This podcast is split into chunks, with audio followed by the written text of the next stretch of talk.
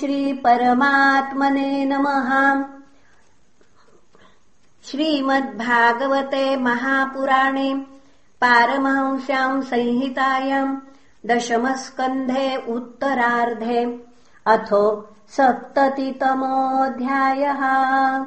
श्रीशुक उवाच अथोषस्युपवृत्तायाम् कुक्कुटान् पूजतोषपन् गृहीतकण्ठ्य पतिभिर्माधव्यो विरहातुराः। वयंशरुरुवन् कृष्णम् बोधयन्तीव वन्दिनः। गायत्स्वलिश्वनिद्राणि मन्दारवनवायुभिः। मुहूर्तम् तम् तु वैदर्भि नामृषद्दतिशोभनम्। परिरम्भणविश्लेष्यात् प्रियबाह्यन्तरम् गताम् ब्राह्मे मुहूर्त उत्थाय वार्युपस्पृश्य माधवः। दध्यौ प्रसन्नकरण आत्मानम् तमसः परम्। एकम् स्वयम् ज्योतिरनन्यमव्ययम् स्वसंस्थया नित्यनिरस्तकल्मषम् ब्रह्माख्यमस्योद्भवनाशहेतुभिः स्वशक्तिभिर्लक्षितभावनिवृत्तिम् अथाप्लुतोऽम्भस्य मले यथाविधि क्रियाकलापम् परिधाय वाससि। चकारसन्ध्योपगमादिसत्तमो हुतानलो ब्रह्म जजाप वाग्यतः उपस्थायार्कमुद्यन्तम् तर्पयित्वात्मनः कलाः। देवान् ऋषीन् पितॄन् वृद्धान् विप्रानभ्यर्च चात्मवान् धेनूनाम् रुक्मरुशृङ्गीणाम् साध्वीनाम् मौतिकस्रजाम्। पयस्विनीनाम् घृष्टीनाम् सवत्सानाम् सुवाससाम्।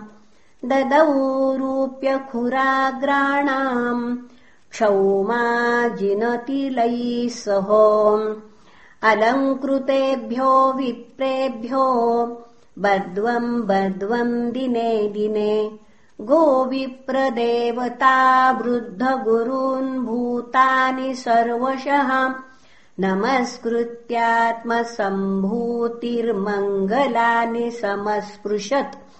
आत्मानम् भूषयामास नरलोकविभूषणम्।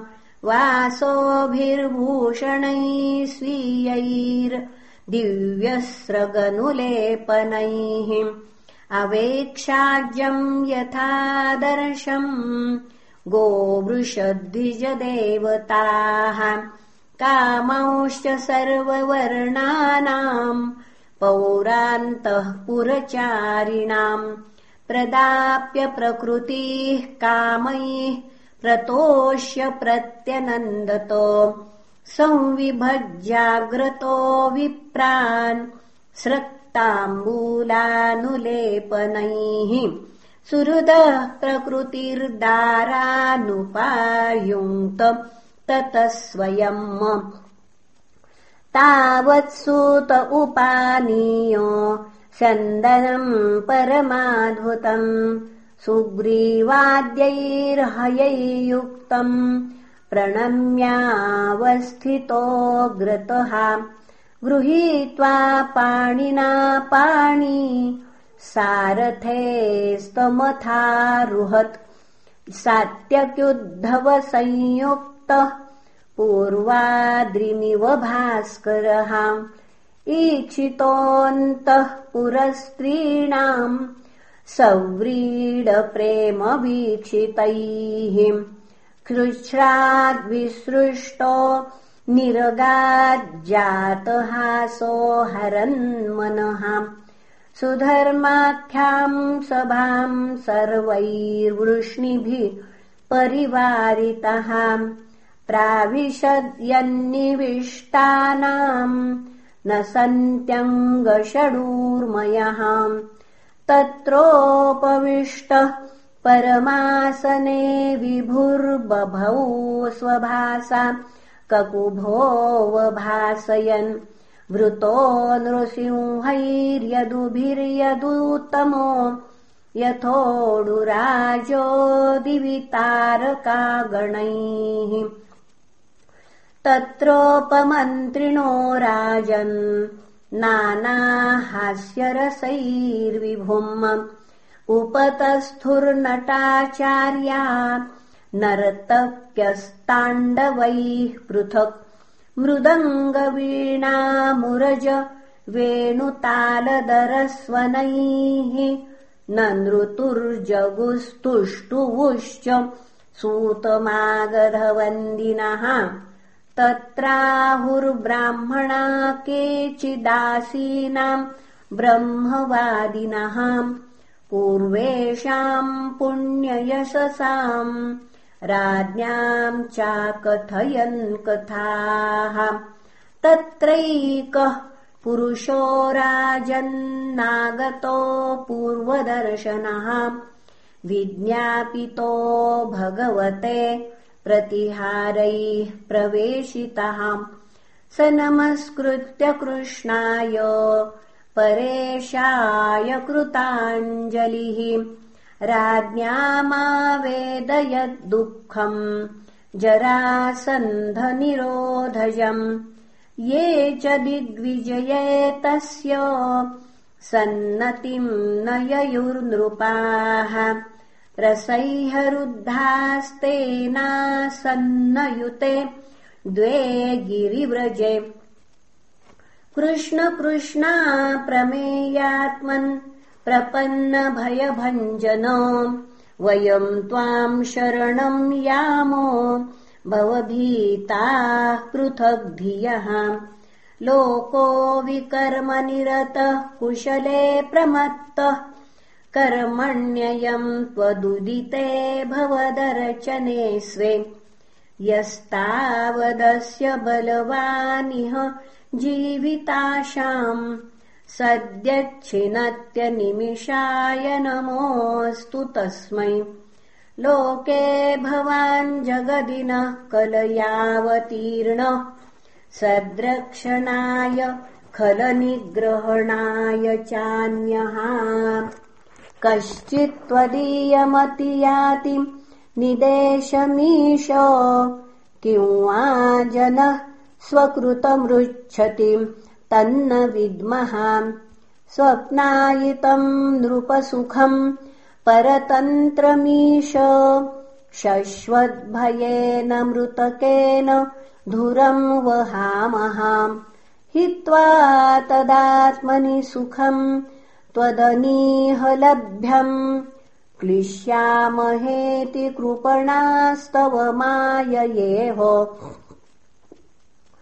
तन्नो भवान् प्रणतशोक हराङ्घ्रियुग्मो बद्धान् वियुङ्क्ष्व मगधाभयकर्मपाशात्। यो भूभुजो युतमतङ्गजवीर्यमेको बिभ्रद्रुरोधभवने मृगराडिवावीः। यो वै त्वया द्विनवकृत्वम् उदात्तचक्र भग्नो मृधे खलु भवन्तमनन्तवीर्यम् जित्वा नृलोकनिरतम् सकृद्रूढ पुनः जित्वा नृलोकनिरतम् सकृदूढदर्पो युष्मत्प्रजारुजतिनोजित तद्विधेहि दूत उवाच इति मागधसंवृद्धा भवद्दर्शनकाङ्क्षिणः। प्रपन्नापादमूलन्ते दीनानाम् संविधीयताम् श्रीशुक उवाच राजदूते ब्रुवत्येवम् देवर्षिः परमद्युतिः। बिभ्रत्पिङ्गजटाभारम् प्रादुरासीद्यथा रविः तम् दृष्ट्वा भगवान् कृष्ण सर्वलोकेश्वरेश्वरः। ववन्द उत्थितशीर्ष्णा ससभ्यः सानुगो मुदा। सभाजयित्वा विधिवत् कृतासनपरिग्रहम्। बभाषे सुनृतैर्वाक्यैः श्रद्धया तर्पयन्मुनिम् अपि स्विद्दद्य लोकानाम् त्रयाणामकुतो भयम् ननु भूयान् भगवतो लोकान् पर्यटतो गुणः। न हि ते विदितम् किञ्चिल्लोकेष्वीश्वरकर्तृषु अथ पृच्छामहे युष्मान् पाण्डवानाम् चिकीर्षितम् श्रीनारद उवाच दृष्टा मया ते बहुशो दुरत्ययाम्। मायाविभो विश्वसृजश्च मायिनः। भूतेषु भूमौश्चरत स्वशक्तिभिर्वह्नेरिवच्छन्न रुचो न मेद्भुतम् तवेहितम् कोर्हति साधु वेदितुम् स्वमाययेदम् सृजतो नियच्छतः। यद्विद्यमानात्मतयावभासते तस्मै नमस्ते स्वविलक्षणात्मने।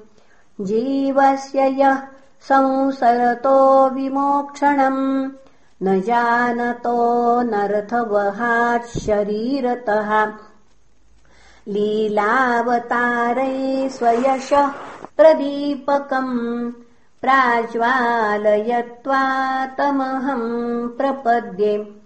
अथाप्याश्रावये ब्रह्म नरलोकविडम्बनम्।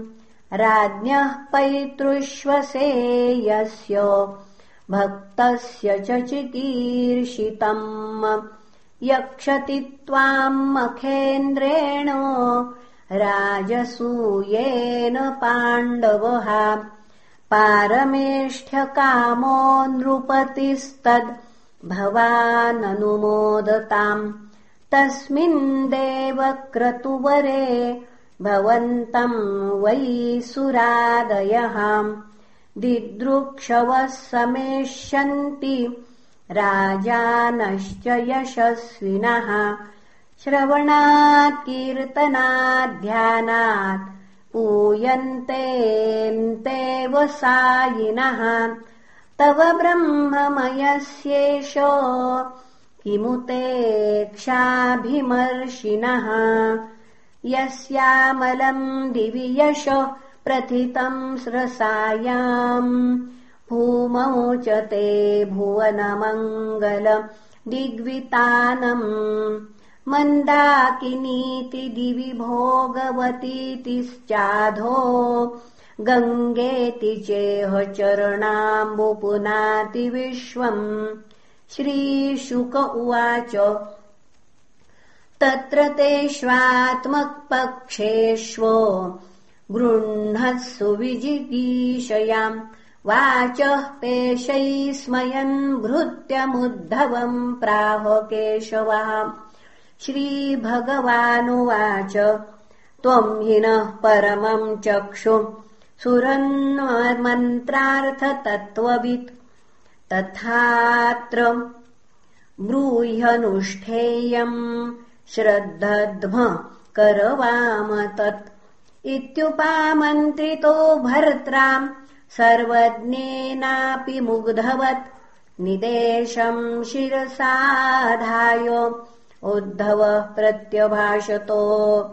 इति श्रीमद्भागवते महापुराणे पारमंस्याम् संहितायाम् दशमस्कन्धे उत्तरार्धे भगवद्दानविचारे सप्ततितमोऽध्यायः श्रीकृष्णार्पणमस्तु। हरये नमः हरये नमः हरये नमः